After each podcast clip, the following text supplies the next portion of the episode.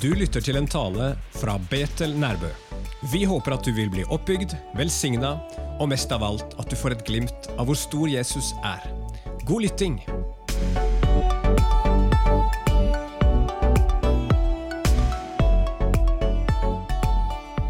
Gitt oss til oppbyggelse, til formaning og til trøst og til det, Guds ord er det vi, vi, vi, trenger det, og vi trenger alt sammen. Så Derfor så er vi i en veldig spesiell bok akkurat nå, Johannes' åpenbaring. Den kanskje merkeligste boka i hele Bibelen.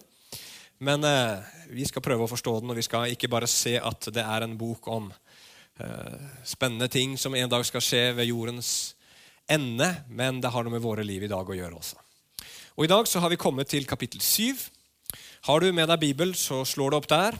Eh, det fins bibler bak på miksepulten der hvis du vil ha en. Eller så eh, følger du med på skjermen. Vi skal lese de åtte første versene der i kapittel 7 i Johannes' åpenbaring. Og der står det Etter dette så jeg fire engler stå ved jordens fire hjørner. De holdt jordens fire vinder for at vinden ikke skulle blåse på jorden, på havet eller på noe tre. Da så jeg en annen engel stige opp fra øst, og han hadde den levende Guds seil. Og han ropte med høy røst til de fire englene som, var, som det var gitt å skade jorden og havet, og sa:" Gjør ikke skade på jorden, havet eller trærne, for vi har beseilet pannene til vår Guds tjenere. Og jeg hørte tallet på dem som var beseilet. 144 000 av alle Israels barns stammer var beseilet. Av Judas stamme 12 000 beseilede. Av Rubens stamme 12 000 beseglede. av Gads stamme 12 000 beseglede. av Aschers stamme 12 000 beseglede. av Naftalis stamme 12 000 beseglede. av Manasses stamme 12 000 beseglede. av Simeons stamme 12 000 beseglede. av Lemis stamme 12 000 beseglede. av Issakars stamme 12 000 beseglede. av Sebulons stamme 12 000 beseglede. av Josefs stamme 12 000 beseglede. av Benjamins stamme 12 000 beseglede. Amen. Herre, vi kommer til deg nå i dag. Herre, vi trenger alltid hjelp til å forstå ditt ord, Herre. Men når vi kommer til Johannes' åpenbaring, så trenger vi ekstra mye hjelp, Herre. Å Gud, Derfor ber vi deg, Hellige Ånd, om at du skal komme og tale til oss og gjøre ordet levende for oss. Herre. Hjelp meg til å formidle det du har lagt på mitt hjerte, Herre. Og det brenner inni meg, Herre Jesus. For det er et godt budskap, Herre. Det er et håpets budskap, Herre. Det er et budskap om, om din nåde og godhet mot ditt folk, Herre, som vi skal få lov til å høre her i dag. Og Derfor så ber jeg deg, Herre, i Jesu navn at du ved din Hellige Ånd gjør, gjør ordet levende, Herre. Og at du gjør som du alltid vil gjøre, Hellige Ånd. Du løfter opp Jesus og gjør han stor for våre øyne i dag. I Jesu Kristi navn. Amen. Ok, Nå kommer vi jo midt inn i boka her, i Johannes' åpenbaring. Og bare sånn liten påminner om hvor vi er. Hvis dere husker tilbake før jul, så fikk vi se at Gud han hadde en bokrull med syv seil på. Og Den bokrullen den inneholdt Guds plan for å dømme og frelse verden. Og Så så vi at Jesus åpna denne bokrullen seil for seil for seil. Han åpna de seks første seilene. Og det kom krig og hungersnød, og det kom forfølgelse av kristne og en natur i kaos. Og til slutt, i det vi leste sist gang, så blir det så ille, det blir så eh, kaotisk med naturkrefter og alt mulig, at mennesker begynner å rope ut Guds store vredesdag er kommet.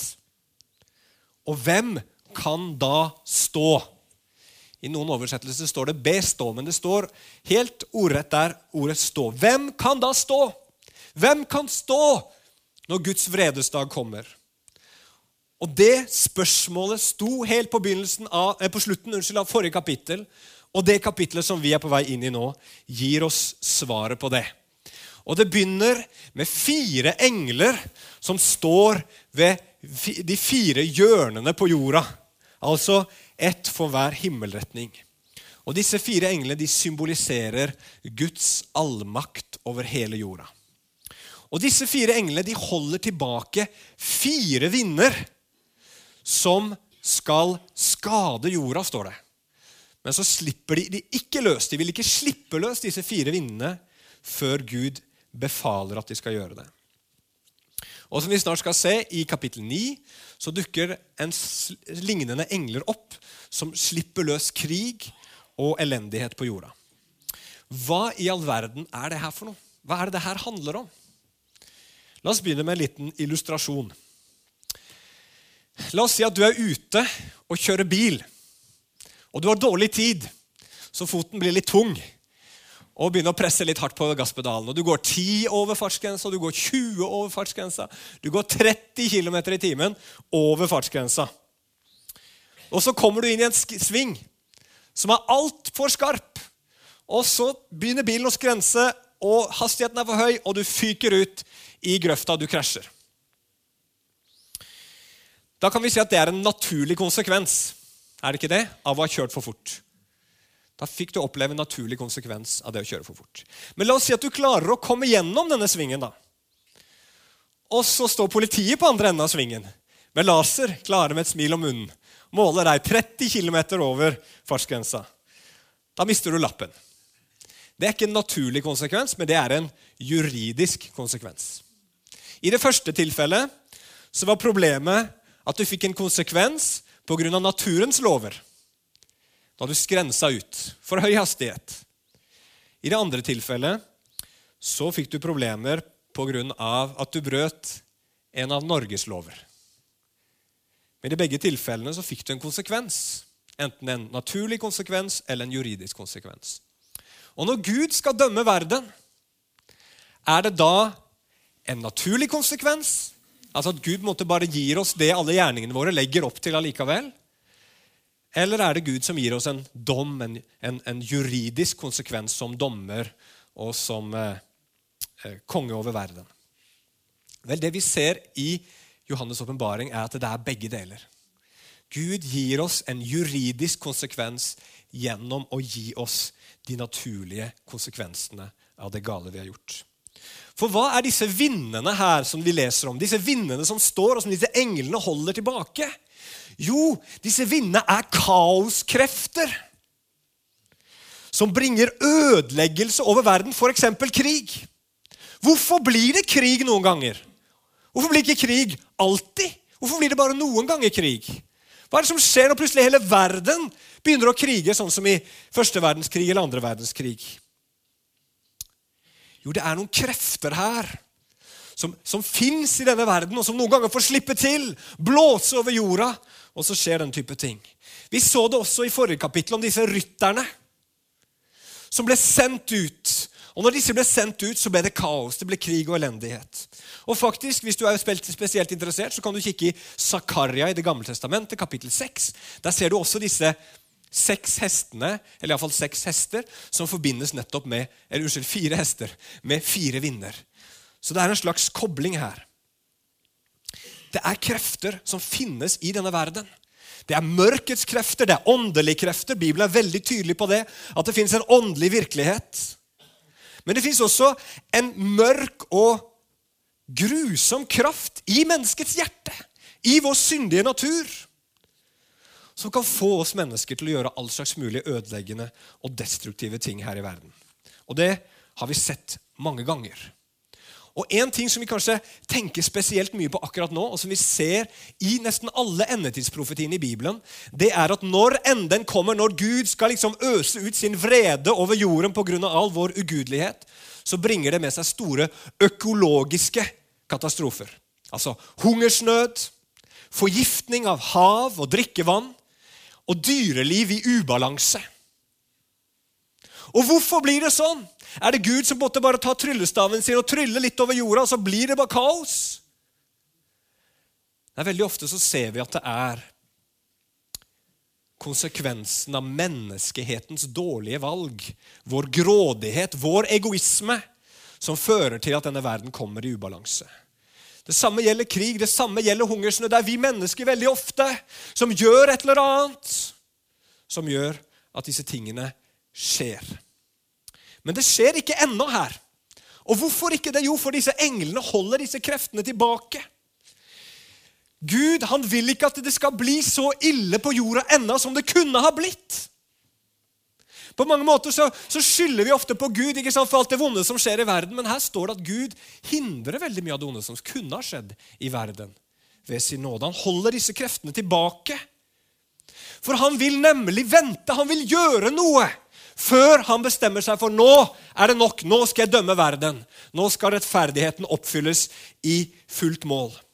Og hva er det han vil gjøre? Jo, står det her, han vil beseile, sette et seil på pannene til sine tjenere. Og Det er den femte engel som kommer inn i historien her, som gir beskjed. Hold disse vindene tilbake! Først så skal jeg beseile Guds tjenere med et merke i pannen.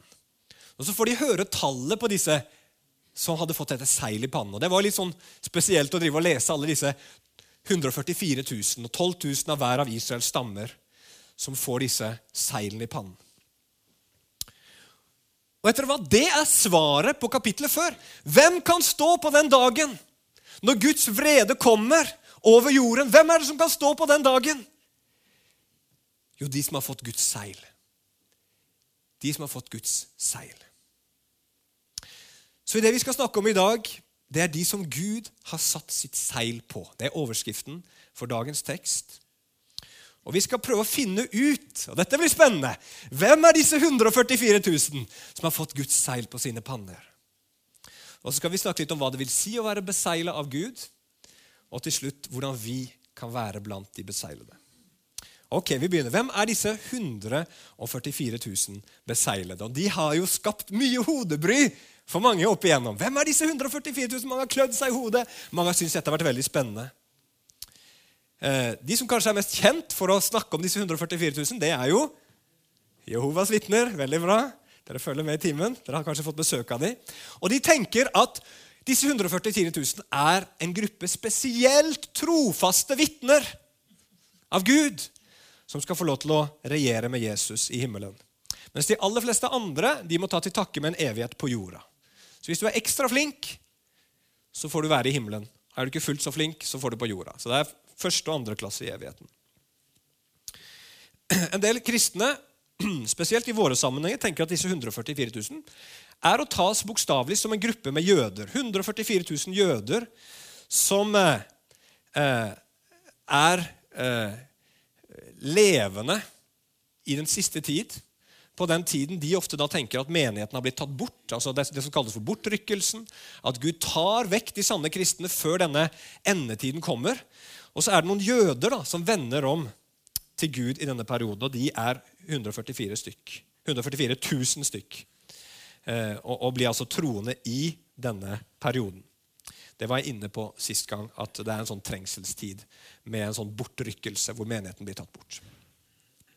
Jeg, Når jeg har studert dette her, og tenkt på dette her, så tror jeg faktisk at eh, ingen av disse teoriene er riktig. Men at denne gruppen, disse 144 000, er noe så kjedelig og enkelt som alle de sanne troende på Jesus til alle tider. De som er Guds sanne folk. Og her er mine grunner til det. For det første så har jeg sagt tidligere at når vi leser Johannes' åpenbaring, så må vi oppfatte det som står i boka, symbolsk, hvis ikke teksten gir oss grunn til å tro noe annet. Og Her er det stor grunn til å tro at dette skal oppfattes symbolsk.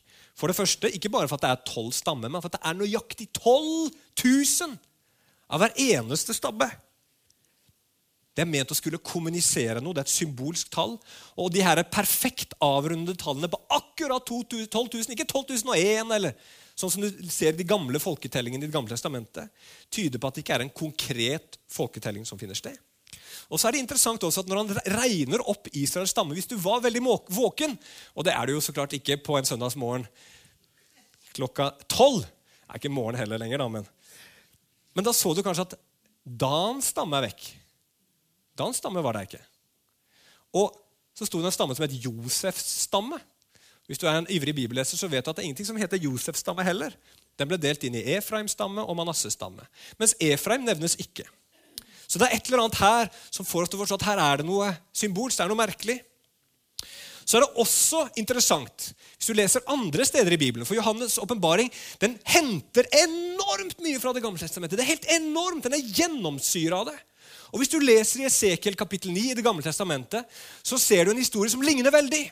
Og det er rett før Gud skal sende babylonerne for å bortføre Israels folk ut av Jerusalem og ødelegge byen og legge tempelet øde.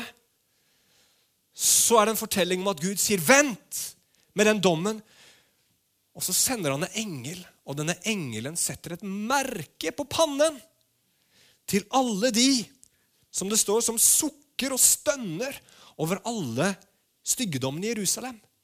Hva betyr det? Jo, han setter et stempel, et merke, på alle de som var de sanne israelittene, de sanne troende.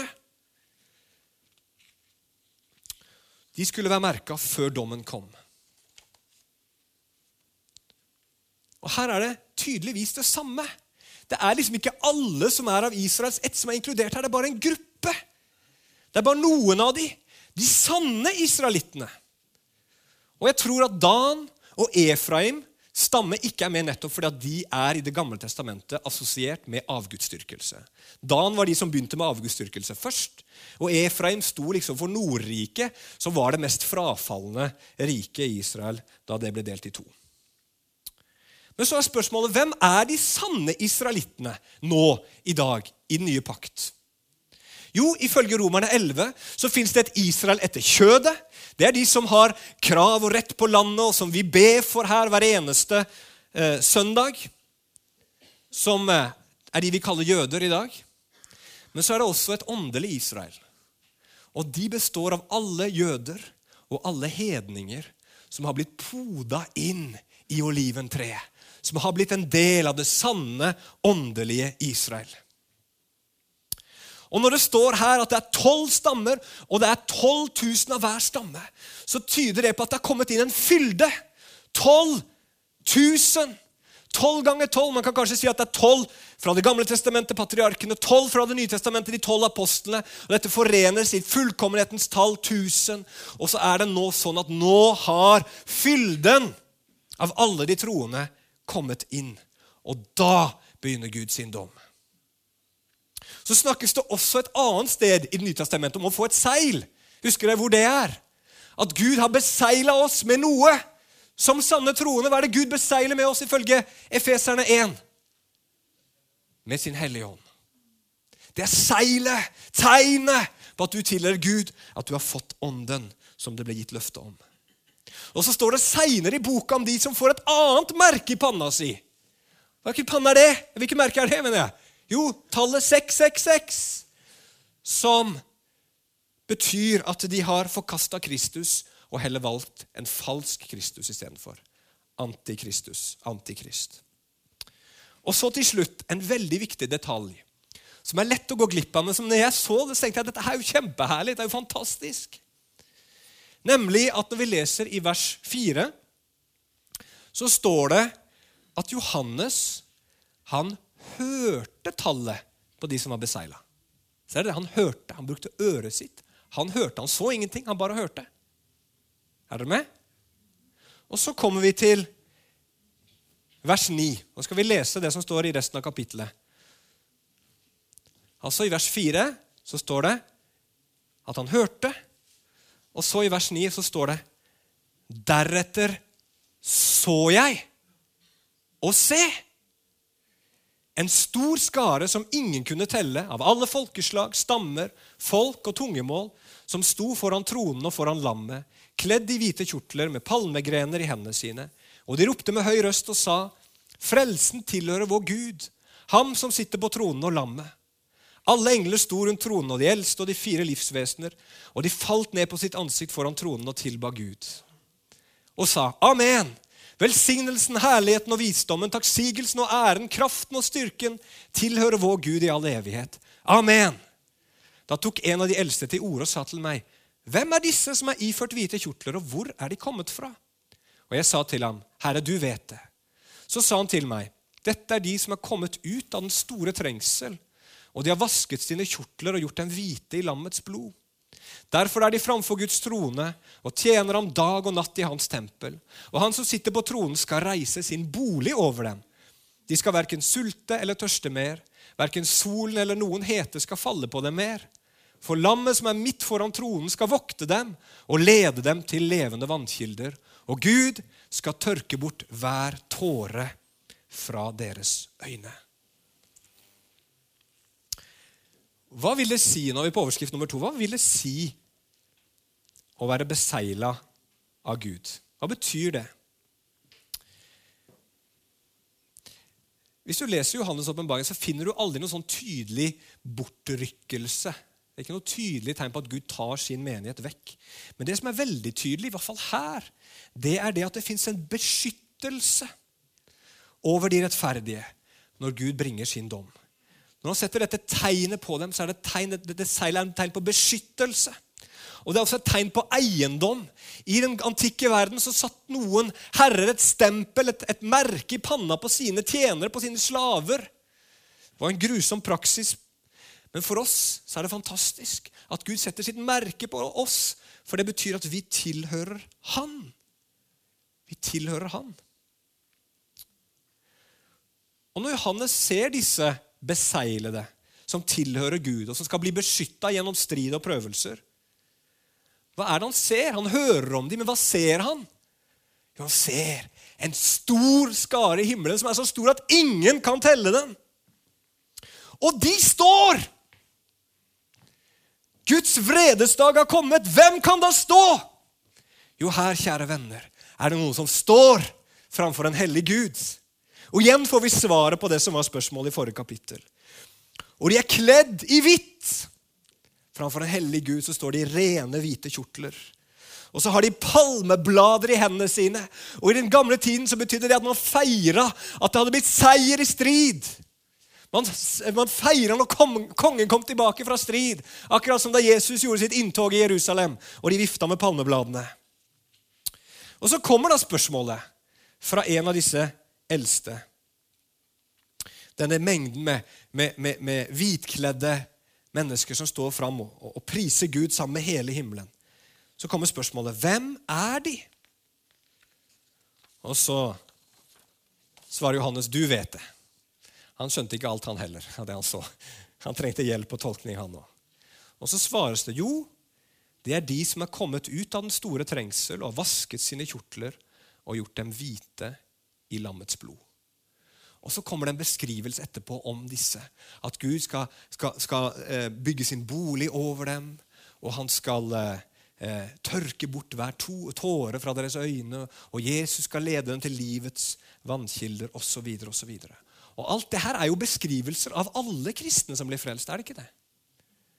Dette kan vi alle sammen tro på at Gud skal gjøre for oss. Og så er det én setning her som er litt vanskelig, og den der er at disse har kommet ut av den store trengsel. Hva betyr det? Mange bruker den, det uttrykket, den store trengsel, nettopp som et uttrykk for denne siste perioden med dom som skal komme over jorden. Så det står og faller litt på om man mener at det uttrykket som brukes her, er enten referer, altså refererer til den siste perioden før, før Jesu gjenkomst og, og, og, og når Guds dom finner sted. Men problemet er at det eneste stedet i Bibelen hvor dette uttrykket brukes, den store trengsel, er nettopp her. Så det trenger ikke nødvendigvis henvise til det. Det kan like så godt henvise til den trengselen som Jesus lover oss absolutt alle sammen. Han sier nemlig i Johannes 16, 33, I verden har dere trengsel, men vær ved godt mot, sier han. Hvorfor det?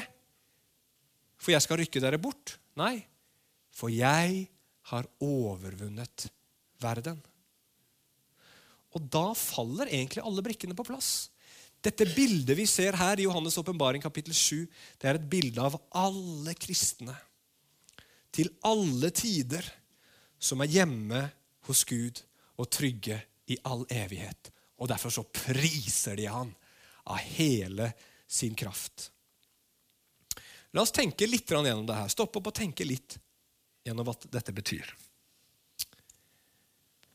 Nummer én vi har grunn til å være bekymret. Og da setter jeg 'bekymret' i hermetegn, fordi det her er det jeg mener med det. Hvis du ser på verden nå, det er ikke så veldig vanskelig å se det, så ser vi på horisonten økologiske katastrofer. Det gir nyhetene, nyhetene gir oss veldig, veldig mye informasjon om det. Vi ser på horisonten økonomisk krise. Vi ser på horisonten krig. Og ikke minst forfølgelse. Det stiger, Forfølgelsen av kristne i verden stiger akkurat nå. Og Alt dette her er noe som Bibelen sier kommer til å skje. Og det kan virke som om vi må gjennom dette hvis ikke vi dør og reiser hjem til Jesus før det. Hvem har hørt om Corrie ten Boom her? Ja, Du må være litt oppi årene for å ha hørt om henne. Beklager. Hun er død nå, nemlig. Eh, men hun var en brennende kristen forkynner som bl.a. under andre verdenskrig var med og skjulte jøder fra Nazi-Tyskland og måtte betale eh, for det ved å bli tatt til fange og satt i en konsentrasjonsleir. Og Der døde søsteren hennes. Hun overlevde. Eh, men, men ja, var en, en, en, veldig brennende forkynner. Og hun fortalte at hun hadde snakka med kineserne i Kina som hadde levd tiden før kommunismen kom, altså da, da, Mao tok makten i 1949. Og De hadde levd i den troen at det skulle komme en bortrykkelse. At når problemene kom, så trengte ikke de være bekymra for det, for da skulle Gud ta de vekk. Og Derfor sier hun de var håpløst dårlig forberedt når kommunismen kom, og trengselen bare eh, falt over dem som et, et, et jordskjelv og et, et, ras. Og mange mange kristne ble torturert til døde. Og de var ikke forberedt, for de hadde hørt de skal slippe unna. Og Hennes budskap til oss kristne i Vesten det var at vi må ikke gå i samme fella. Vi må være forberedt, sier hun. Kjenn Guds ord. Lær det utenat. Hvis de tar Bibelen fra deg, så må du kunne det utenat. Sånn var det for disse kristne i Kina. Dyrk forholdet til Gud. Ha et sterkt forhold til Han. Bli fylt av ånden. Vær våken. Og denne opptellingen som vi leser om her i Johannes' åpenbaring Når var det i Det gamle testamentet at de telte opp Guds folk? Jo, det var når de mønstra hæren. For å finne ut hvor mange stridsdyktige var det. Og det er at vi er Guds hær. Og vi skal stå her på jorda. Vi skal kjempe for Hans rike. Og Gud har besegla oss, sånn at vi skal bli stående i den kampen. Halleluja. Derfor så trenger vi egentlig ikke å være bekymra. Halleluja. Hvorfor ikke? Jeg synes Dette kapitlet her er så fantastisk, for Gud viser oss på en helt vanvittig ekstrem måte hva det betyr å være besegla av Gud. Han hører om de som ble besegla, og hva ser han? Hva ser han når han ser disse besegla? Jo, han ser en skare i himmelen i absolutt trygghet for all evighet. Når Gud har satt sitt seil på deg, så er du så trygg som om du allerede skulle være i himmelen med han. Corrie ten Boom igjen. Da hun var ung og, og, så i sitt liv at mange kristne rundt henne måtte lide for Jesu navns skyld, så lurte hun på om hun ville være sterk nok. Og Hun følte seg ikke sterk nok, så derfor spurte hun faren sin om det. Far, hvordan vet jeg at jeg kommer til å, å være sterk nok? Og Så sa faren, når du skal på togreise Gir jeg deg da pengene mange uker i forveien før du skal reise? Nei. Når gir jeg deg pengene, da? Rett før vi reiser. Nettopp. Og sånn er det med Gud også. Den dagen du møter prøvelser og vanskeligheter for Hans navns skyld, så kommer Han til å gi deg kraften der og da. Å være frelst er å være frelst! Her kan vi ikke falle ifra. Jo, Bibelen advarer hele tiden mot at vi kan falle ifra. Men samtidig er det et slags nei i Bibelen nå. Fordi I 1. Johannes 5, vers 18b så står det Men den som er født av Gud, vokter seg selv eller tar seg i vare. Og den onde rører ham ikke. Halleluja. Derfor kan vi også allerede nå juble av glede. Du vet, Disiplene de kom til Jesus en gang. De hadde opplevd en skikkelig suksessdag. Alt hadde gått bra. Selv demonene var lydige når de talte Jesu navn over dem. Og de kom tilbake og var så glad! Og så sier Jesus til dem, 'Ikke vær så glad.' Ikke for det, men vær heller glade over det at navnet deres er oppskrevet i himmelen. Og her ser vi på mange måter det samme. kanskje på en enda mer illustrerende, mektig måte. Nemlig at ikke bare er det navnene våre som er oppskrevet der, men det er som om vi selv var der. Som, Johan, som eh, Paulus sier i, i Efeserbrevet 2, vi er satt i himmelen med Kristus.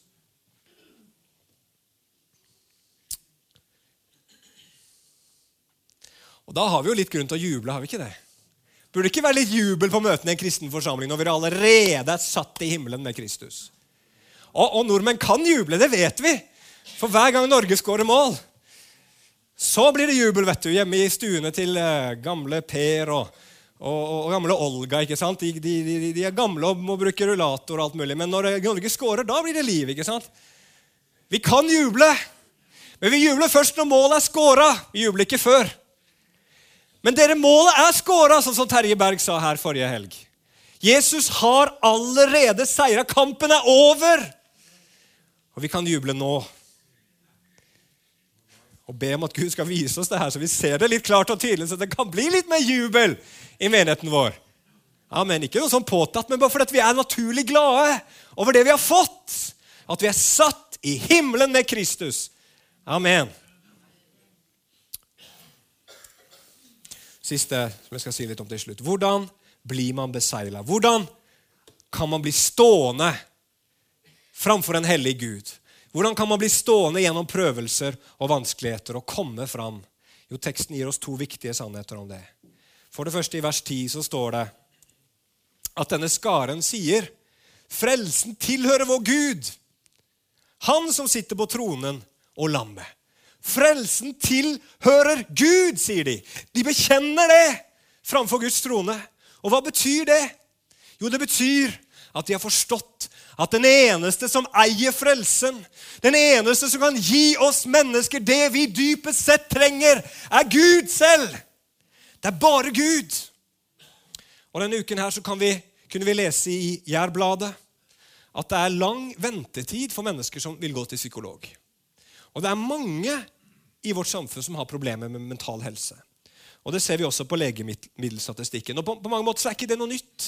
En konsekvens av syndefallet og synden i verden er at ingenting fungerer som det skal, inkludert tankene våre. Alt er ødelagt av synden. Men det kan være virke som det øker i vårt samfunn. At vårt samfunn er spesielt sårbart for det her. Hvorfor det? Jo, fordi vi lever i en individualistisk kultur. Og i en individualistisk kultur sånn som vi lever i nå, så står mennesket helt alene når det skal finne sin identitet og finne sin verdi. Før så var det liksom storsamfunnet som ga oss jeg er nordmann, derfor er jeg noe. Jeg er del av den familien, derfor er jeg noe. Jeg gjør min innsats som far eller mor eller sønn eller datter, derfor er jeg noe. Men i vårt samfunn så står du helt alene, og så må du bevise selv at du er noe. Du må være tro mot deg selv. Du må realisere dine drømmer. Du må vise for alt og alle at du er noe. Og det er ikke så enkelt. Men det det egentlig handler om, er at vi prøver å frelse oss sjøl. Vi prøver å finne det livet dypest sett handler om. Vi prøver å finne ut og klare selv å være helt ok og være sånn som vi burde være. Og, og finne denne lykken, freden, håpet, meninga som vi vet vi trenger alle sammen. Og vi prøver å finne det gjennom de vi er, og gjennom det vi gjør. Og det går ikke. Det går ikke for noen av oss. Og de som er på toppen, alle disse store navnene i Hollywood, de har alle sammen sin terapeut. Alle sammen. For vi finner ikke. Hvorfor det? For frelsen tilhører Gud. Det er bare Gud som kan gi oss det vi dypest sett trenger. Og det må vi innrømme. Det må vi innse. Det er Gud jeg trenger. Jeg kan ikke gjøre meg fortjent til det heller. Jeg må få det. Det er du, Gud, som må frelse meg. Det er du som må si til meg at jeg er ok. Det er du som må gi meg det jeg dypest sett trenger. Din kjærlighet, fellesskapet med deg. Og når vi sier, 'Gud, jeg trenger deg', det er bare du som kan hjelpe meg, så hjelper Gud oss. Og så fyller han våre hjerter med sin kjærlighet ved Den hellige ånd som blir utøst. Og så blir vi besegla. Halleluja. Men så er det mer i teksten nå. I vers 14 så står det om disse menneskene som bekjenner dette, at frelsen tilhører Gud. De har også vasket sine kjortler og gjort dem hvite i lammets blod. Merkelig uttrykk å gjøre noe hvitt ved hjelp av blod. Det funker jo ikke vanligvis sånn. Du og jeg vi kan ikke bare komme til Gud og si, 'Gud, jeg er ulykkelig. Gjør meg lykkelig.' Noe må skje dypt i hjertene våre. Nå har jeg nevnt Esekiel 9 et par ganger. Jeg skal nevne det siste gang nå. Hvem var det som Gud satte sitt merke på i Esekiel 9? Jo, de som stønna og sukka over styggedommen i Jerusalem. De som kjente personlig smerte over sin egen synd, over andres synder. Du og jeg kan ikke komme til Gud før vi forstår at vårt dypeste problem er synd. Det er det som er det store problemet i våre liv. Vi har hjerter som er styrt av egoisme. Vi har et hjerte som falne mennesker som forkaster Gud. Et hjerte som får oss til å bryte Guds bud og være med på å ødelegge verden. Og Før du forstår det, så kan du heller ikke forstå hvordan Jesu blod kan gjøre deg hvit som sne. Fordi Bibelen sier at syndens lønn er døden. Vi fortjener død. Alle mennesker fortjener død. Borte fra Guds herlighets ansikt. Evighet, En evighet borte fra Han pga. vår synd. Men så forteller Bibelen oss at da Jesus ble menneske, da Jesus hang på det korset, så tok han synden og syndens konsekvenser på seg. Og da han blødde og døde på det korset, så smakte han døden for oss alle. Jesus betalte på korset med sitt blod i vårt sted. Og derfor så blir vi rene når vi tror på Han. Når vi vasker oss i lammets blod. Da får du Guds seil på ditt liv. Halleluja. Jesus. Lover og priser deg for deg, Gud. Og Det Bibelen forteller oss, er at Gud kommer. Han kommer for å gjøre slutt på all ondskap, all elendighet, alt mørke i denne verden. Og Da er det bare én gruppe mennesker som kommer til å stå. Og det er de som har fått sitt seil på hans liv. Har du hans seil på ditt liv? Har du blitt en av hans tjenere, som det står? Halleluja. Og Hva er det å være en tjener av Jesus? Jo, det er en som følger han overalt fordi vi elsker han. Det er en som går med Gud av kjærlighet, ikke av tvang eller av en, fordi han pisker over våre liv. Men fordi det ikke finnes noen fordømmelse lenger for oss. Fordi vi har blitt vaska rene i Jesu blod så alt det vi vil gjøre nå, det er å tjene Han. Halleluja. Halleluja. La oss be til slutt. Kjære himmelske Far, vi takker og lover og priser deg.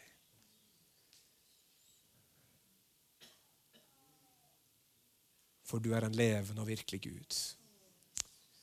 Og du er her akkurat nå, Herre. Og du vil tale til oss. Og du vil minne oss på dine sannheter igjen i dag, Herre.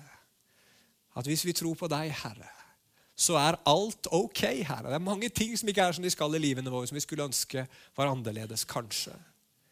Men allikevel så er alt ok. For du, Herre Jesus, har gitt oss et håp som er som et anker for sjelen, og som går inn bak forhenget, inn i det aller helligste, sitter dette ankeret fast, Herre, og det er bundet til våre hjerter. Herre, hjelp oss til å leve som sånne. Hjelp oss til å leve, Herre Jesus, forberedt Herre, på at vi kan møte prøvelser og vanskeligheter. Men uten å være redde, Herre, for du går med oss, Gud. Du er vår styrke, du er vår kraft, og du skal føre oss fram. Og så vil vi være vitner om deg, Jesus. Og så vil vi kalle andre med oss, Herre. Og så vil vi være frimodige, Herre, for enden kommer. Og hele verden kjenner det nå, Herre. Det er angst i luften, Herre. For alle mennesker kjenner at nå er enden nær. De tror sikkert ikke på deg, Gud, men de kjenner at det er en ende. De kjenner at det er et mørke. De kjenner at noe holder på å skje. Det ligger en emming i luften. Herre, derfor er det så mye frykt. Men Herre, takk, Gud at vi har et godt budskap å komme med. At det finnes håp. Og Håpet finnes ikke i denne verden, håpet finnes ikke i noe menneske, men håpet finnes i det ene navnet Jesus Kristus, som frelser fra alt ondt og all synd og redder oss inn i himmelen, til en ny himmel og til en ny jord, hvor, hvor rettferdighet skal bo. Halleluja.